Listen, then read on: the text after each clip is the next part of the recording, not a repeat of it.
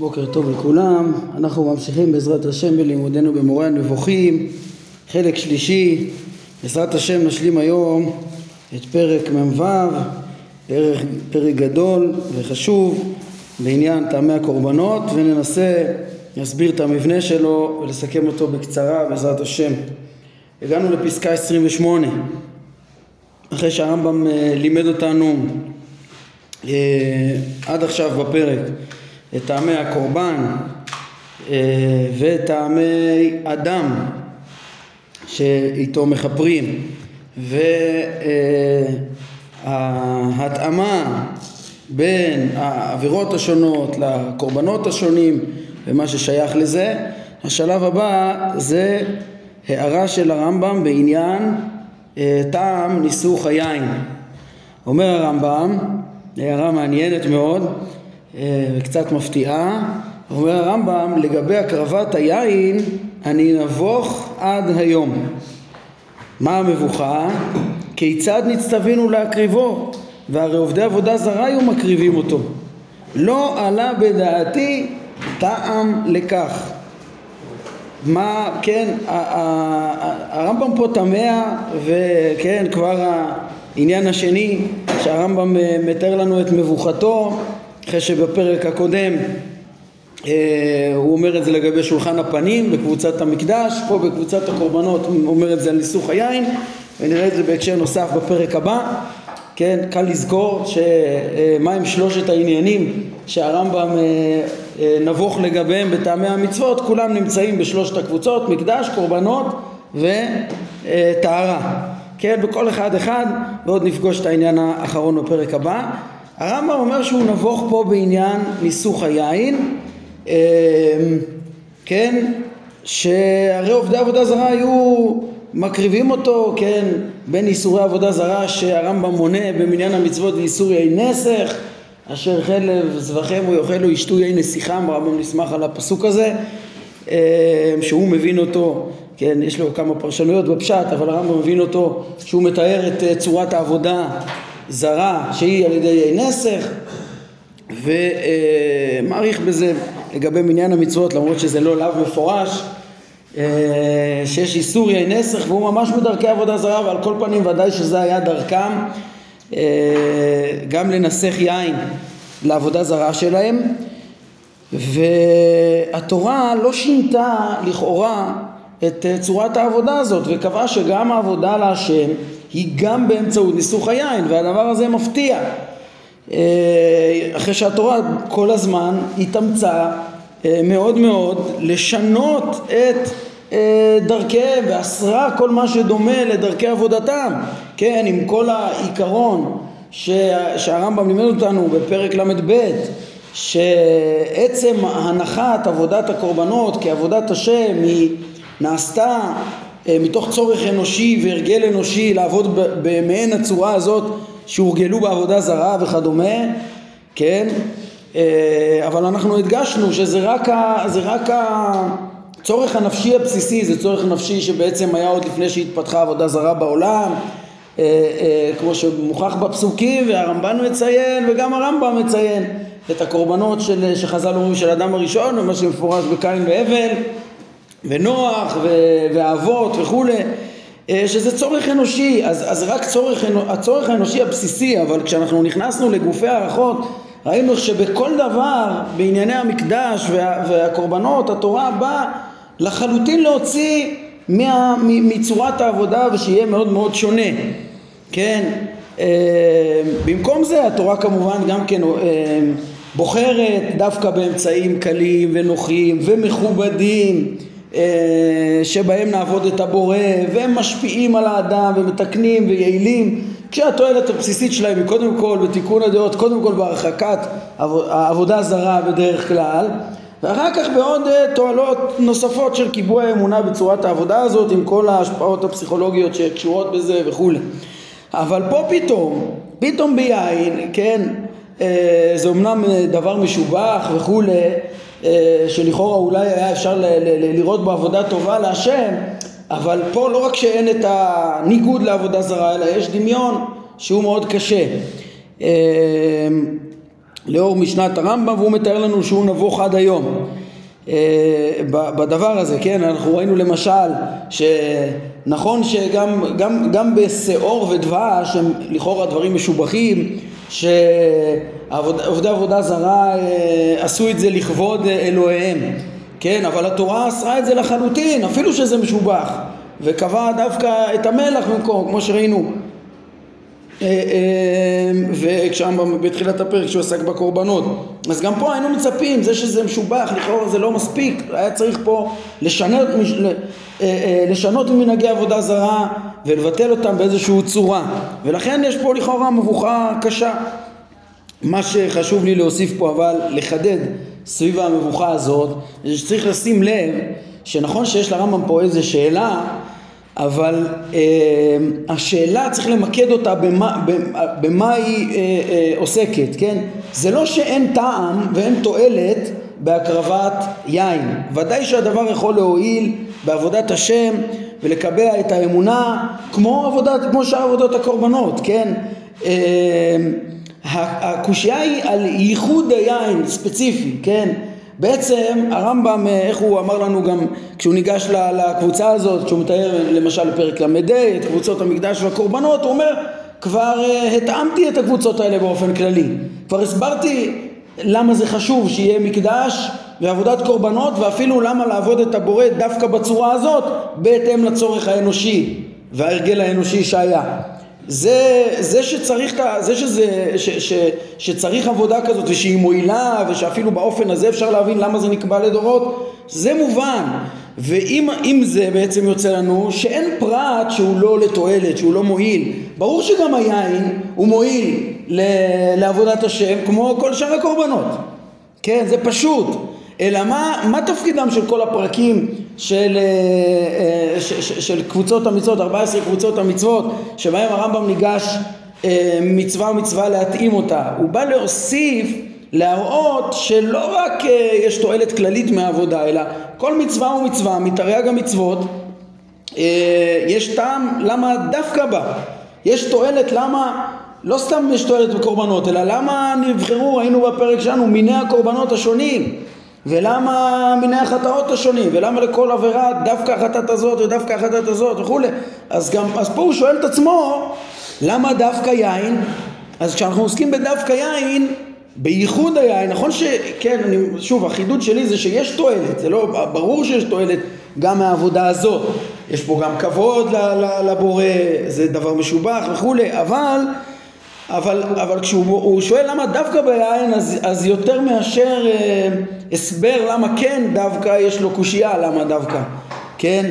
אה, למרות שבאופן כללי זה מועיל כן? הרמב"ם מוסיף ואחרי התמיהה הזאת שהוא שואל ושוב שאני אומר למה דווקא אבל באופן כללי זה כן מועיל אז הוא גם מוסיף עוד טעם אה, בעניין הזה. פה הוא לא משאיר אותנו לגמרי בלי כלום כן? ולא רק עם הטעם הכללי כן? ושוב אני אחדד, חשוב לרמב"ם, כן? אה, לא להסתפק בטעם הכללי, יש טעמים כלליים, למדנו אותם כבר בפרקי הקדמה לטעמי המצוות, הוא רוצה גם טעמים ספציפיים לכל מצווה ומצווה. ומצד שני אני אחדד שכשהוא אומר טעם ספציפי לכל מצווה ומצווה זה לפעמים נכנס גם כן לפרטי הלכות, הלכות של המצווה אבל צריך להבדיל בין זה לבין הטענה ש, אה, לתת טעם לכל פרט ופרט מפרטי המצוות שברור שהרמב"ם לא מתקרב אה, אה, להגיע לזה בפרקים הללו והוא אמר מראש שאחרי שהבנתי שיש תועלת במצווה זה שאחר כך מדקדקים בחוקים ואפילו מחייבים אותם אפילו לעיכובה אפילו שלכאורה אין עניין דווקא בפרטים האלה ולא אחרים פה כבר זה מיותר, זה כבר הזיה לנסות להתאים דברים שאין בהם שום אה, טעם, אה, אלא כן, אם התועלת מועילה באופן הזה וגם באופן אחר, זה הסוגיה של פרטי טעמי מצוות שהוא אמר שאין מה להתאים את זה, וכבר דיברנו על זה בהרחבה בסוף פרק כ"ו. כן, אז לא עד כדי כך, הוא לא רוצה לחדור לכל הפרטים, אבל אם יש מצווה של נסכים, פרשת השבוע אנחנו נקרא את זה, פרשת אה, אה, שלח, גם כן על, על, על הנסחים והמנחות, אה, השלמות של דינים שיש בדברים האלו, על, על הנאמר בויקרא, אז, אז, אז הרמב"ם רוצה במצוות ניסוך העין להוסיף טעם ספציפי, ופה הוא לא אה, מוסיף לנו כן, לכאורה טעם בהערה הראשונה ובכל זאת הוא נותן טעם, הנה, פה הוא לא משאיר אותנו בלי כלום ביחס למצווה הזאת, הוא אומר מישהו אחר נתן לה טעם ואמר אה, תשימו לב שהוא מייחס את ההסבר פה למישהו אחר, כן? זה חריג, כן? יש לו כנראה איזו הסתייגות מסוימת מהדבר הזה, אולי כבר אני אזכיר הסבר לזה שמובא פה גם בהרחבה, אבל מה הוא אומר קודם כל? הוא אומר ככה, המיטב מבחינת התאווה שמקורה בכבד הוא הבשר והמיטב מבחינת הכוח החייתי שמקורו בלב הוא היין וכן הכוח הנובע מהמוח הוא הנפשי נהנה מניגון על כלי נגינה. לכן כל כוח מקריב להשם את, הדבר האהוב עליו ביותר. וכך הקורבן הוא בשר ויין ושמע, כלומר השיר. כן, הרמב"ם פה בעצם נותן טעם שמישהו אחר נתן טעם, למה חשוב והגיוני להקריב להשם אה, בשר ויין עם שיר, עם שמע. כן, למה? יש באדם שלושה כוחות אה, מרכזיים, כוח התאווה, כוח החיות וכוח הנפשי, כלומר השכלי יותר, כן, מחשבתי יותר לעומת החייתי, כן, תאווה זה שייך לכבד, החייתי זה שייך ללב, זה איברים שמתחת השרפת, כן, הכבד, והאיברים שלמעלה מהשרפת, הלב והריאה, שתמיד קשורים יותר לענייני המידות והכוח הנפשי ששייך במוח היותר שכלי שנהנה גם כן מהנגינה, מעניין איך שהוא מתאר פה את ההנאה, אבל סוף סוף הוא אומר, יש באדם את שלושת הכוחות האלו ולכן אה, כל כוח מקריב להשם את הדבר האהוב עליו ביותר, כן, וזהו הבשר והיין, כן, הבשר לגוף, היין לנפש, לכוח החייתי והשמע למוח, כן? אה, אז ה, ה,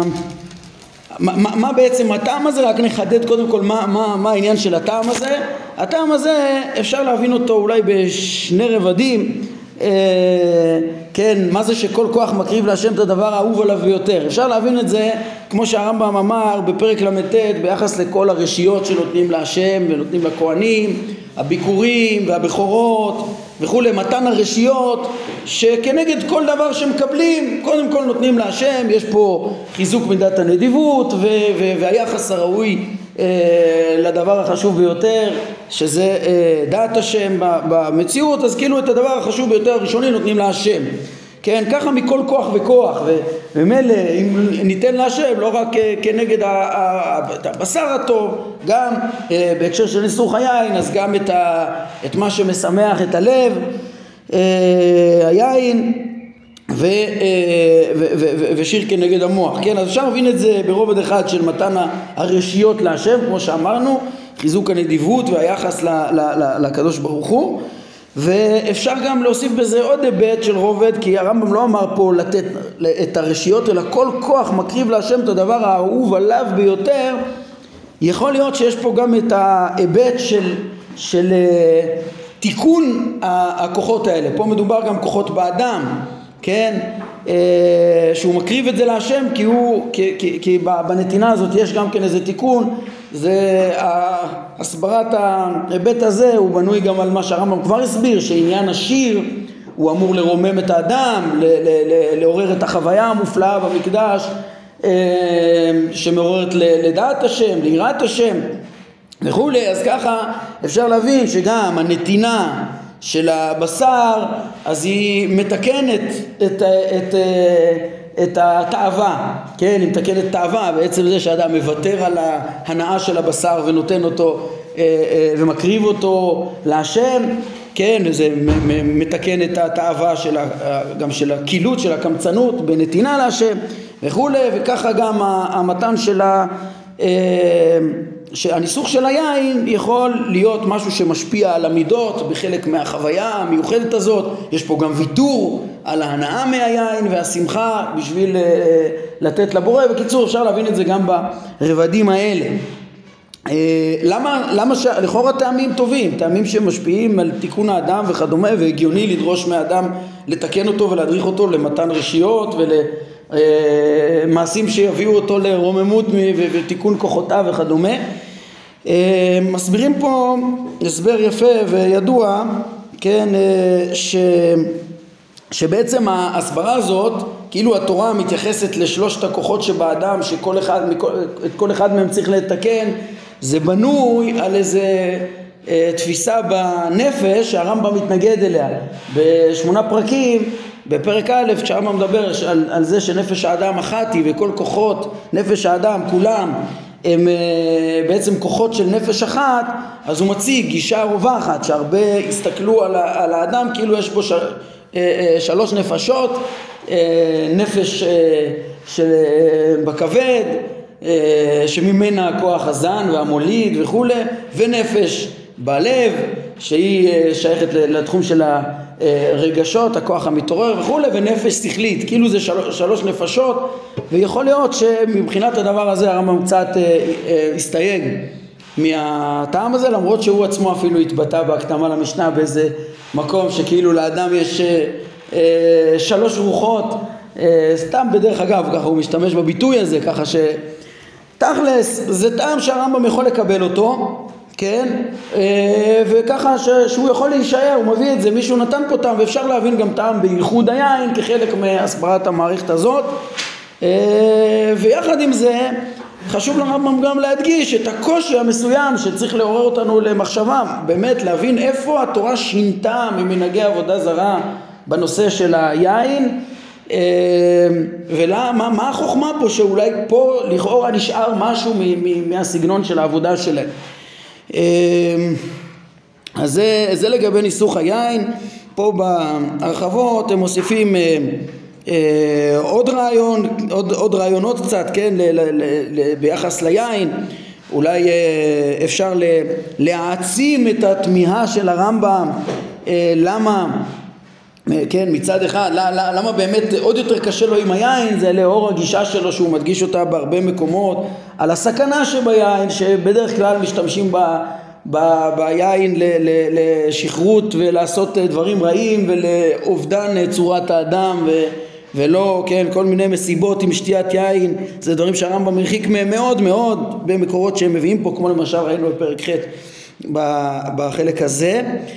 אה, אסור לעבוד במקדש בכלל, אה, השטו, כן, אה, שתיית יין, הכהנים לא יכולים לעבוד, לא יכולים לברך וכולי, וזה דברים שלכאורה התורה בצדק מאוד מאוד מרחיקה מהם כדי שאדם לא יאבד את תודעתו ושליטתו שזה הבסיס לכל עשייה טוב לעומת היין שהוא בסיס לכל השגיאה אחרי התאוות בלי שום ביקורת כן אז זה אולי סיבה עוד יותר להתרחק מהדבר הזה ו, וככה הם גם מוצאים הם רוצים ל, ל, להציע הסבר נוסף אה, בטעם למה התורה בכל זאת משאירה את ניסוך היין כי כן דווקא מתוך ההבנה שהיין זה דבר שיכול כל כך לקלקל את המין האנושי, אז הם אומרים, נו, אם, אם התורה אוסרת אותו לגמרי על העובדים ומצווה לשפוך אותו על המזבח, שהעבודה היא שפיכה, אולי יש פה גם כן, אה, אה, כן אה, איזשהו, במקום שפיכתו, במקום שתייתו, אולי זה גם כנגד אה, אצלם, אצל העובדי עבודה זרה, שאצלם ודאי כן חלק מהפולחן היה גם עם שתיית יין ושיכרון ו, ודמיון וכולי, אז זה עוד דברים שיכולים להיות ככה להוסיף בהתאמת הדברים על דרך הרמב"ם, אפילו שלא נראה שהרמב"ם ממש רמז לדברים האלה כאן. טוב, זה לגבי היין. אז זה אה, עניין, כן, עניין נוסף שהרמב"ם מבאר לנו פה אחרי עניין, ענייני דיני הקורבן ואדם וכולי והלכות שכבר נסכם את אה, מבנה הפרק הרמב"ם חותם את אה, הפרק בטעמי אה, העלייה לרגל והתועלות שיש בה כשרוב הטעמים כבר הוזכרו בקבוצות הקודמות כשהרמב"ם דיבר על, על הבכורות ועל נטע רבע ומעשר שני ומעשר בהמה וכל מיני דברים כן שאנחנו נצטווינו ב, אה, בעקבותיהם לעלות לירושלים ולמקדש ולחזק את האמונה וכולי, דברים שראינו, אבל יש פה עוד תוספות אה, גם למצוות הקל וכמו שמיד נראה. אה, כן, אז בואו ניכנס לדברים של הרמב"ם. הוא אומר פה אה, אשר לתועלתה של העלייה לרגל טעמה ידוע. למה? בשל התחדשות התורה המושגת מן ההתכנסות הזאת על ידי אותה היפעלות אה, שיש שם במפגש, בחוויה של המפגש עם, אה, עם המקדש ועבודת השם שבו וההתרכזות סביב האמונה שבו וכולי בקהל רב עם האומה כולה כן, ואחווה בין בני אדם, יש פה תועלת גם בחיזוק האחווה, כן, ואותה, יש פה את התחדשות התורה, אומר הרמב"ם, זה בפרט במצוות הקל,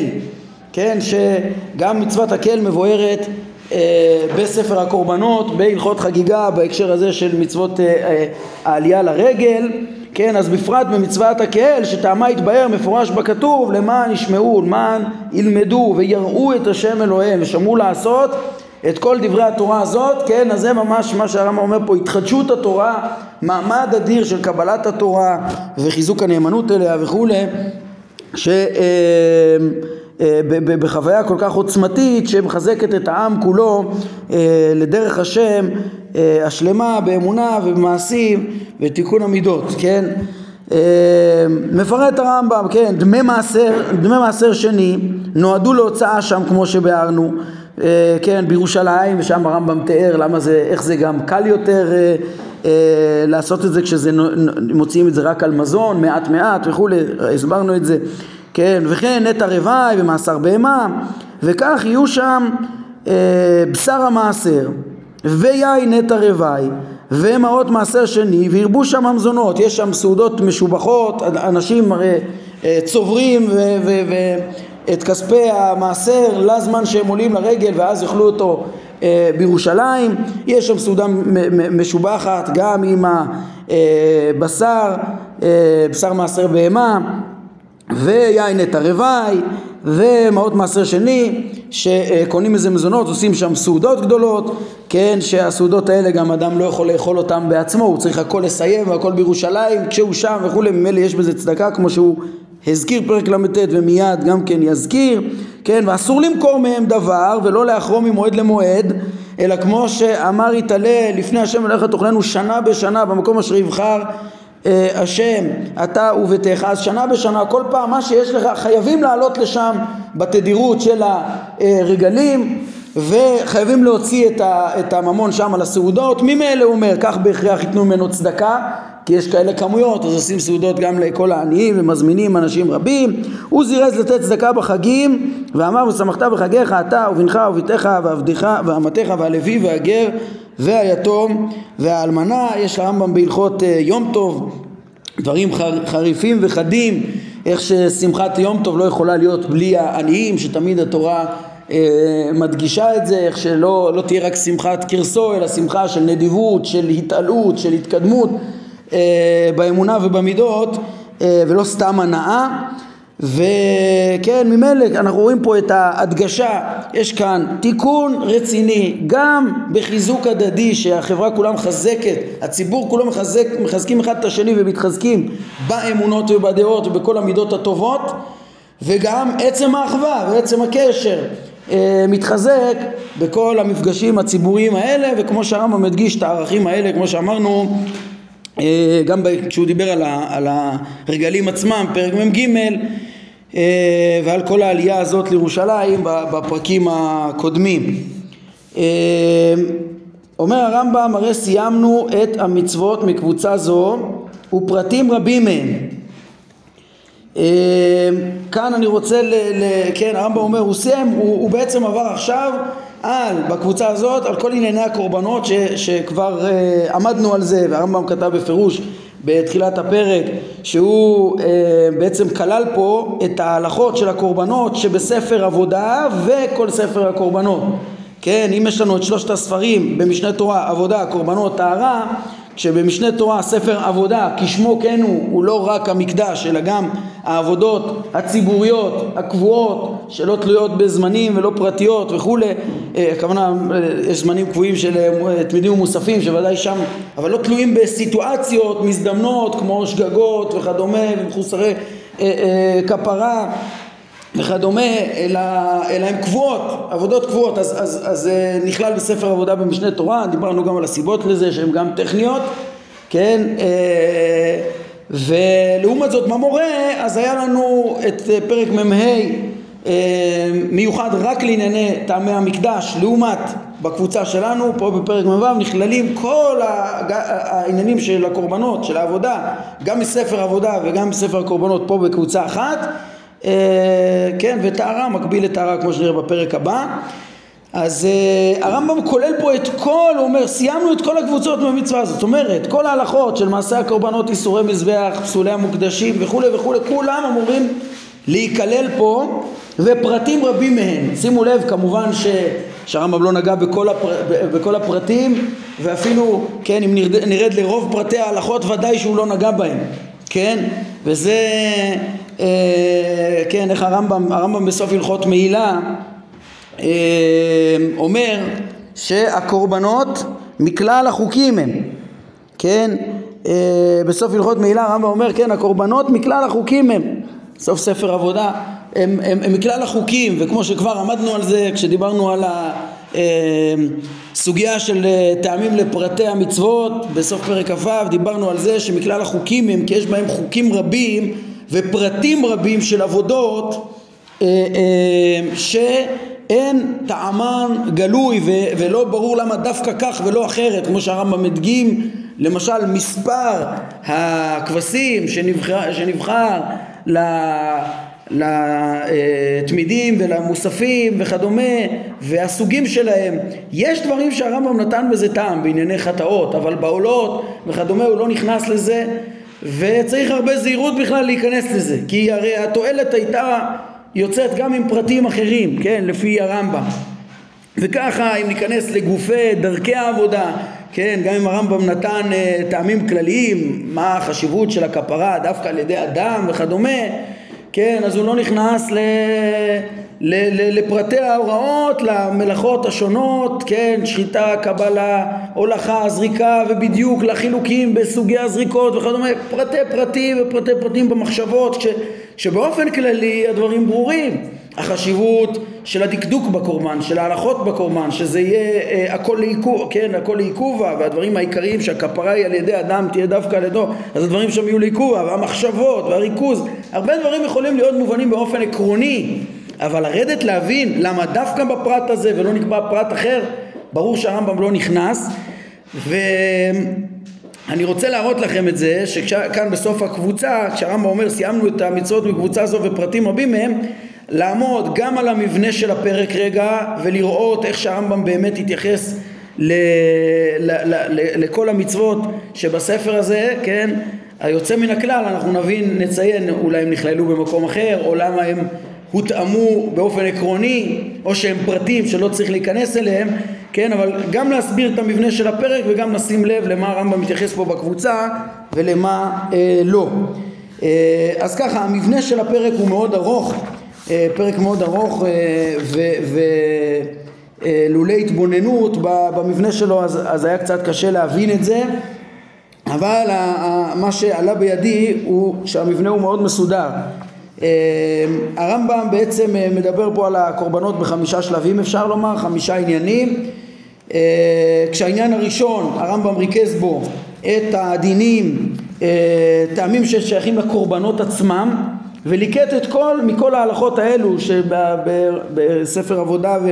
והשייכים לקורבנות וספר הקורבנות, את ההלכות של הקורבנות עצמם קודם, קודם כל, כן, טעמים אה, כלליים ששייכים, אה, כן, כמו שראינו, למיני, אה, הקרבת מיני הקורבנות השונים ו, ו, ו, ומה שהיה לו לומר בעניין הזה כן, ו- וככה הוא כלל, אם אני עובר על סדר ההלכות, בעצם טעמים, אה, כן, מיני הקורבנות התפרשו בהלכות מעשה הקורבנות, כן, הקורבנות השונים, מהבהמה, מה, מהצומח, אה, מהעוף, אה, הראה לנו איך, למה נבחרו אותם אה, מינים, כן, כמו שאתם זוכרים, גם מחמת אה, הרחקה מעבודה זרה ושחיטת הבהמות הקדושות שלהם וכולי, וגם אה, מבחינת השכיחות וה... וההתאמה וההקלה לישראל להתקרב אה, להשם וכולי, הטעמים השונים, אז מעשה הקורבנות, פסולי המוקדשים, אה, אה, כן, תמידים ומוספים וגם מעילה ותמורה הם בעצם אה, הלכות של כבוד הקורבן שנכללו בשלב הזה. אה, גם דיני פסח, קורבן פסח שבספר הקורבנות הוא הכניס שם כחלק מהקורבנות ויחד עם ההבנה שבפסח מצרים היה חלק מהמאבק עם העבודה זרה גם כן אה, וכמה חשוב זיכרון הפסח, למדנו על זה גם בפרק מ"ג איך שזה יסוד האמונה. אה, כן, אז על כל פנים בעצם הוא מלקט פה, כן, אם אני עובר על סדר ההלכות, איסורי מזבח, מעשה הקורבנות תמידים ומוספים פסולי המוקדשים אה, לעניין עבודת אה, יום כיפור, עבודת יום הכיפורים אז אה, כן, נדבר עוד מעט נכלל פה, ראינו שעיר המשתלח, כן, אבל עצם עניינו של יום ובכללי העניין של העבודה הזאת למדנו על עניינו של יום, יום התשובה, יום הסליחה בפרק מ"ג, כן, ו... אה, הכפרה של החטאות הפנימיות, פה בפרק למדנו מה זה, למה שורפים אותם בחוץ, כן?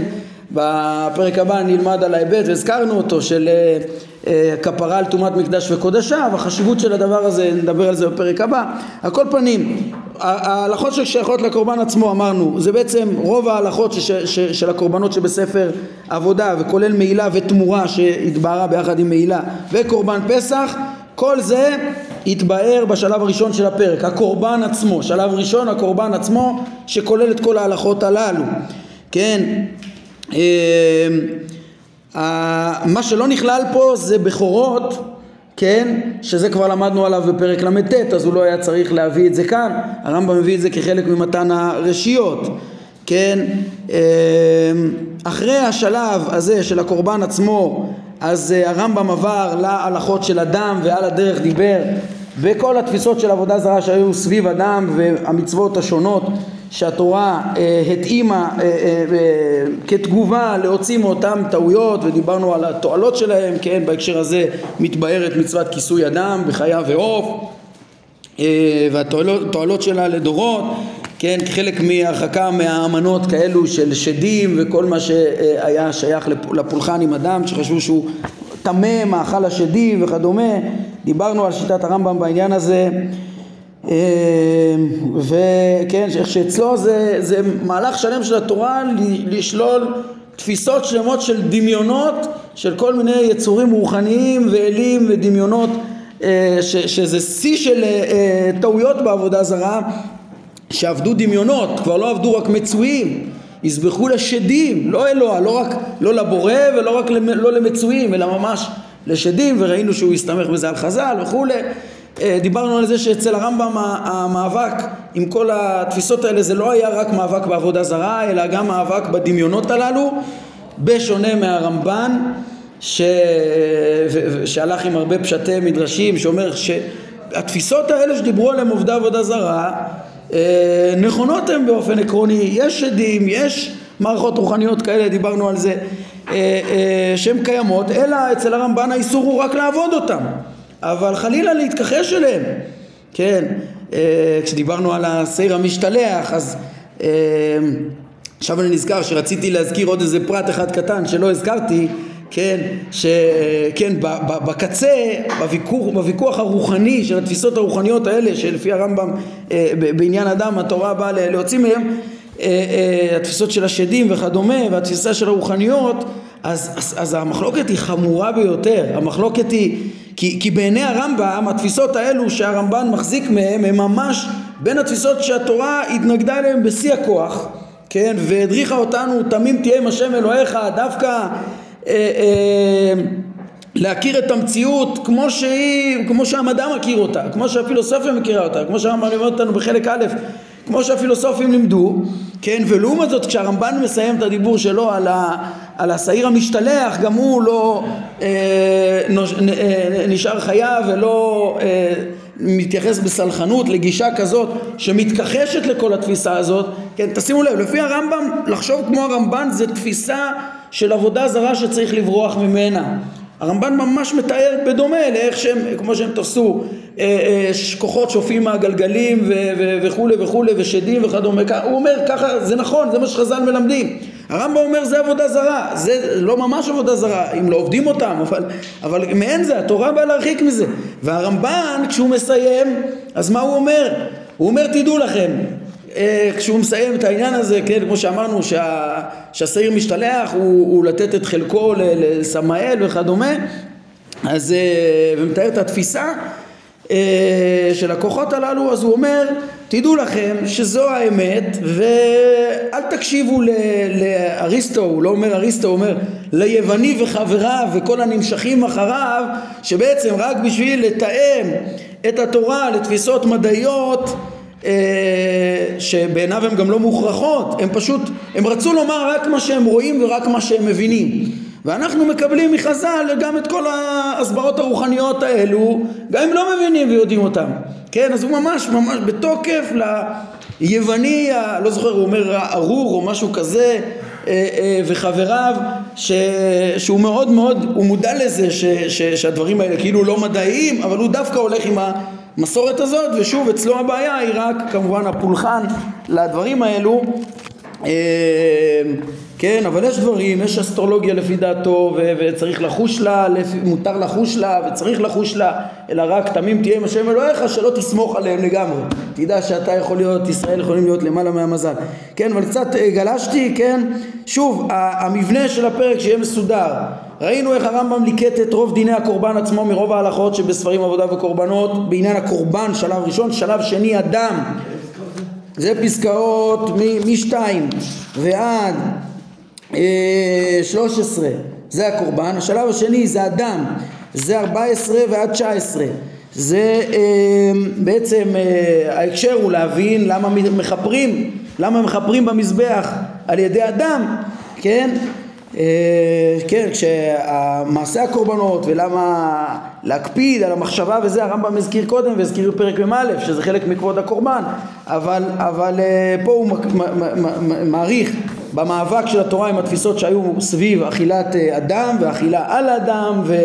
והיחס אליו, כן, כולל הוא מתייחס שם לבשר התאווה במדבר וכולי, מה שראינו. אה, זה שלב שני, הקורבן, אדם. שלב שלישי, זה שייך להלכות שגגות, כן, הלכות שגגות ב- ב- בספר הקורבנות. אה, זה בעצם פה הרמב"ם מוסיף את החוכמה שבהתאמה של כל קורבן וקורבן לכל חטא וחטא לפי עיקרון שהוא אה, חלק מהתהליך של התיקון והתשובה וההשפעה הפסיכולוגית של האדם אה, בתהליך של הכפרה שלו, של התשובה שלו, כשהוא מתוודה ומביא את, ה, את, אה, את הקורבן על חטאו, כשכמובן מדובר פה דווקא בשוגג, וכמו שלמדנו בפרק מ"א, כן, יש את ה... הקורבנות הם ברובם, רובם ככולם הם על השגגות. המזיד הוא חמור יותר והוא לוקה ונענש ולא, ואין עליו את, את הקורבנות ולמטה מזה יש גם אנוס שהוא פטור וכולי כמו שלמדנו שם. על כל פנים הוא, פה הוא מכניס את החוכמה בהתאמה אה, של הקורבנות כמו שאמרנו לעבירות בהקשר הזה נכנס בשלב הזה אני מכניס מפסקה עשרים ועד פסקה 27 עד העניין של השעיר המשתלח גם את הדיון על השעירים על אה, שעיר אה, ראש חודש כן שהוא חטאת שמוקרבת אבל למה נאמר בו להשם? כחלק מהמאבק העבודה זרה והרמב"ם מסביר אחר כך את העניין של החטאות הנעשות בחוץ כן, אה, שנשרפות רק בחוץ ובכלל לא עולות על המזבח כשהם חלק מכילוי של, כן, תיאור אה, של חוויה פסיכולוגית של כילוי החטא, כן, ושעיר משתלח, של שילוח החטאים החמורים ביותר והכפרה החמורה ביותר, כן, לכן אנחנו נראה בפרק הבא גם העוסקים בהם נטמעים כי זה להתעסק כאילו באותו דבר שמסמל מבחינה פסיכולוגית את החטא שצריך לכלות אותו והעסק בו, חלק מהעניין זה להבין העסק בדבר הזה, בכפרה הזאת, זה מתלכלכים בדבר הזה, זה, זה דבר פחות שצריך למאוס אותו ולכלות אותו, את החטא ולשוב אל השם מחדש אה, עם התנערות אה, מוחלטת מה, מהחטאים. אז זה עד 27 עוד uh, uh, תוספות, כן, של טעמים, של התאמה של הקורבנות לחטאים, בכלל הדברים הרמב"ם הראה, גם כן דיבר על הטעמים של חז"ל, על הטעמים הסמליים שהם גם כן פסיכולוגיים, של uh, קורבנות לזכר, לכפרה, כן, עגלים ופרים לכפרה על חטא העגל, או על שעירים על מכירת יוסף, על החטאים של הפולחן השעירים שצריך לזכור את זה לדורות ולהתנער מזה כדי שלא נבוא לחטוא שוב, כדי שנבין את חומרת החטאים ואיזה כפרה ארוכה צריך מהם אה, לעולם. אז אה, זה השלב השלישי של הפרק. קורבן, דם, התאמת החטאות השונות, אה, הקורבנות השונות לעבירות. הש, הש, שתי השל, שני השלבים האחרונים זה מה שראינו היום, זה בעצם אה, ההערה של הרמב"ם על טעמי ניסוך היין, קורבן, דם, יין, אה, אה, התאמה של חטאים ויין, פסקה 28, והשלב האחרון זה העניין של העלייה לרגל. פה הרמב"ם בעצם מתייחס להלכות אה, משלים גם את הלכות חגיגה, שיש שם את חובת ראייה, חגיגה, שמחה ומצוות הקהל, כן, הוא התייחס לזה פה כי זה אה, אה, ההלכות האחרונות שנשארו לו אה, להתאים מספר הקורבנות, כשחטיבה, כן, בזה הוא משלים את כל הקבוצה, חוץ מ... אה, אה, חטיבת הלכות אחת, שזה מחוסרי כפרה, שזה דיני אה, זב, זבה, יולדת, מצורע, כל אלו המחוסרי כפרה בעצם הרמב"ם מתייחס אליהם אה, בפרק הבא, כן? כי הם בעצם כולם טומאות מיוחדות שסוף טהרתן היא על ידי קורבן, כן? אז בעצם הם, אה, מהבחינה הזאת הרמב"ם כולל את הקורבנות שלהם ב... ב, ב, ב, בספר הקורבנות, אבל בעצם עיקר דיניהם נמצאים בהלכות מטמא משכב ומושב בספר טהרה, ממילא הם שייכים גם לקבוצה הזאת גם לקבוצה הבאה והקורבן שלהם הוא פרט כשעיקרם אה, יתבהר בעזרת השם בפרק הבא ופה באמת בעצם שמנו לב איך שהרמב"ם באמת אה, סיים את המצוות בקבוצה הזו וראינו איך שהוא באר פרטים רבים מהם אבל גם עמדנו על זה שפרטים רבים מהם הוא אכן באר אבל רק, אבל עוד יותר פרטים כשמדברים על את המצוות כמו שאנחנו אומרים הוא הוסיף כמו שהוא רצה להוסיף את טעמי המצוות הספציפיות לקורבן, לדם, התאמת החטאים, היין מה שיש לו לומר בזה והעלייה לרגל תועלות רבות ספציפיות במצוות ספציפיות הוא הוסיף אבל לרדת לפרטי פרטיהן ואפילו למצוות שנמנו ב, ב, ב,